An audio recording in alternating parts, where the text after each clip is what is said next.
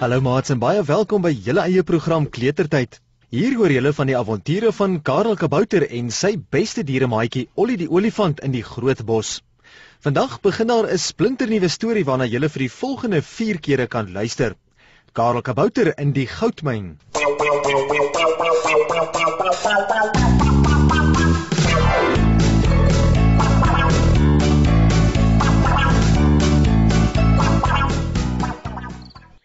Karel Kabouter en Ollie die olifant stap al geselsende in die bospaadjie af.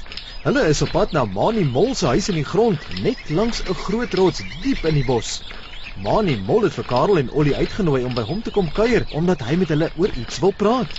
Ek wonder waaroor Mani Mol met ons wil praat, Karel. Sê Ollie en waai met sy groot ore die vlee weg wat op hom wil kom sit. Molle bly mos diep in die grond. Hoe sal ons by sy huis kan inkom? Karel Kabouter loop en kou aan 'n grashalmpie.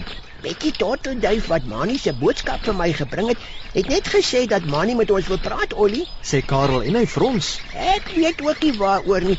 Bekkie Tortelduif het gesê dat Mani mol vir ons op die gras voor sy huis by die rots sal wag, want hy weet dat ons te groot is om in sy huis te kom. Dit is ook nie hoe te lank nie of Karel Kabouter en Ollie die olifant kom by die groot rots aan. Daar, op die gras in die koelte, sit Mani Mol en kou aan 'n stukkie boomwortel. Hy het 'n groot ronde raambril op met 'n dik lens om beter te kan sien. Toe hy vir Karel en Ollie om die draai in die bospaadjie sien aankom, staan hy op en stap wiggel waggel op sy kort bene na hulle toe. Hy spoeg die boomwortel uit sy mond, loer oor sy bril en hy steek sy hand uit. Hallo Karel, hallo Ollie. Sê Mani en wys na die gras in die koelte. Baie dankie dat julle gekom het. Kom sit hier by my. Mani Mol stap voor hulle uit en hy gaan sit langs 'n klompie papiere wat eenkant lê. Nadat Karel Kabouter en Ollie die olifant langs Mani Mol gaan sit het, tel Mani die papiere op en hy leun vorentoe. Ek moet met julle praat oor iets baie belangrik. Sê hy en hy waai die papiere in die lug. Net gister het Freddy Volstruis hierdie papiere vir my gebring. Julle weet mos dat Volstruis se graag hulle koppe in die sand steek. Toe Freddy dit weer gister doen, steek hy sy kop dwars deur die sand tot binne in 'n grot. Mani Mol kyk na Karel en Ollie om te sien of hulle na hom luister.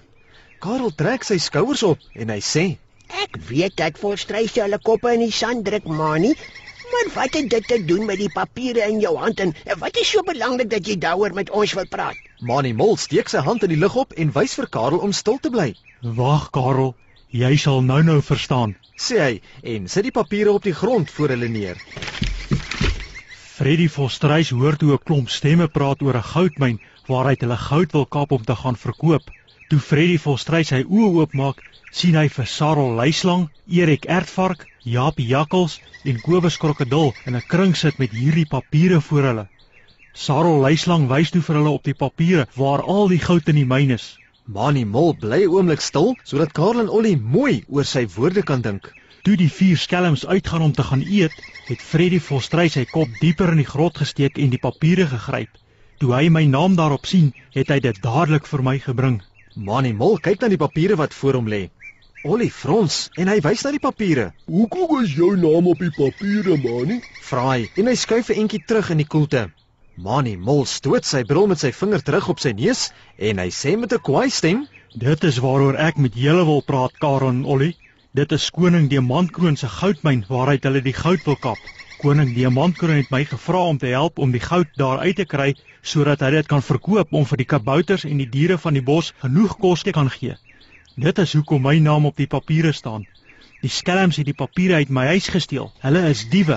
Julle moet my help om hulle te keer om in die myn te delf. Ollie die olifant kyk vraend eers na Mani Mol en toe na Karel Kabouter. Ek verstaan nie hoekom Mani Mol praat van die helfte nie, Karel. Sê hy en hy krap sy kop. As ons hom help, moet ons mos keer dat die skelm die hele myn se goud vat en nie net die helfte nie. Karel Kabouter skud sy kop. Nee, Ollie, jy het nie mooi gehoor nie. Sê hy en hy glimlag omdat Ollie so sukkel om die groot woorde te verstaan. Mani het nie van die helfte gepraat nie, maar van die helf. Dit beteken dat mense in die myn gaan grawe om die goud te kry. Mani Mol skud sy kop op en af. Karel is reg, Ollie. Sê hy en wys na die papiere op die gras voor hulle. Julle moet my help om die hele myn met al die goud daarin te beskerm. Die skelms mag niks van die goud daar delf en uitdra nie. Hierdie keer verstaan Ollie die groot woord delf en hy skud sy kop op en af. Hy kyk na Karel en sê: Ek en my maatjie Karel sal nie toelaat dat hierdie skelms in die myn gaan die helf vir die goud nie, manie. "Manie Mol, vat die papiere en hy staan op," Baie dankie Ollie en Karel. sê hy en gee die papiere vir Karel Kabouter. Hierso Karel. Al die plekke waar daar goud in die myn is, is met kruisies op die papiere gemerk. Karel staan op en neem die papiere by Manie. Hy sien dat daar baie kruisies in rooi op die papier getrek is. Hier is daar 'n baie goud in die myn, manie. sê Karel en hy blaai die papiere een na die ander om. Nou dat ons die papiere teruggekry het, sal dit seker moeilik wees vir die vier skelms om die plekke te kry waar die goud is. Dink jy nog dat hulle die goud sal kan steel? Manie Mol kyk met groot oë om hom rond. Dit is waarom ek vir julle twee gevra het om my te help om die goudmyn te beskerm. sê hy en praat amper met 'n fluisterstem. As Sarel Luislang, Erik Ertvark, Japie Jakkels en Kobus Krokodil agterkom dat die papiere weg is, sal hulle dit hier by my huis kom soek en miskien onthou hulle 'n paar plekke wat hulle op die papiere gesien het. Julle moet my en die myn asseblief beskerm. Karel Kabouter en Ollie die olifant kan sien dat Manie Mol baie bang is. Ollie die olifant staan nou ook op, Jy hoef nie bang te wees vir daardie vier skelms nie, manie. sê hy en klap sy ore heen en weer. Ek sal hier voor jou huis se deur wag hou sodat niemand kan inkom nie.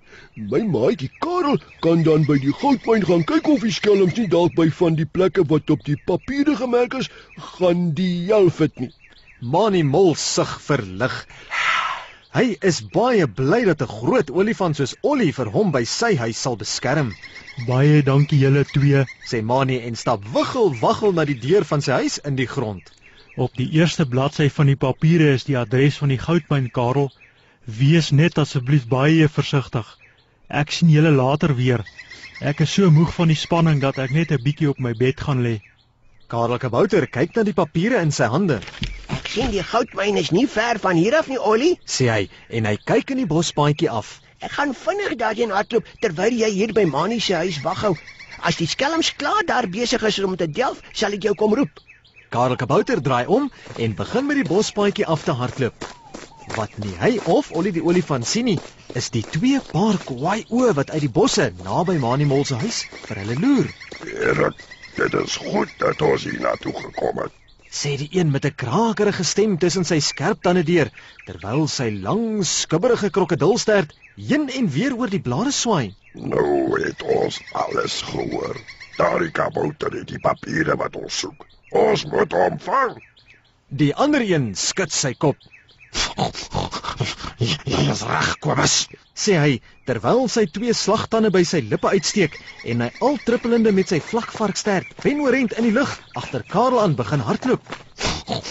Kom, ons moet omkeer voordat hy by die goudmyn uitkom en vir Sarel en Japie daar aan die delf kry.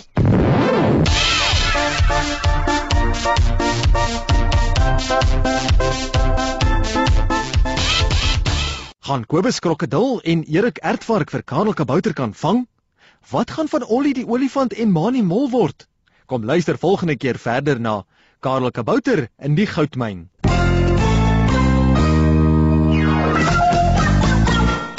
Liewe seuns en dogters, ons lees in die Bybel in Eksodus 20 vers 15. Jy mag nie steel nie. Dit beteken dat ek en jy nie ander mense se goed mag vat nie. Mense wat ander se goed vat, steel en hulle word diewe genoem. Net soos die Here vir ons goed gee, doen hy dit ook vir ander. Wanneer ons dan hulle goed vir ons vat, doen ons wat verkeerd is in die Here se oë. Geniet dit wat die Here vir jou gegee het en moenie ander mense se goed vir jouself wil hê nie. Ek groet tot volgende keer. Totsiens. Hee, hee.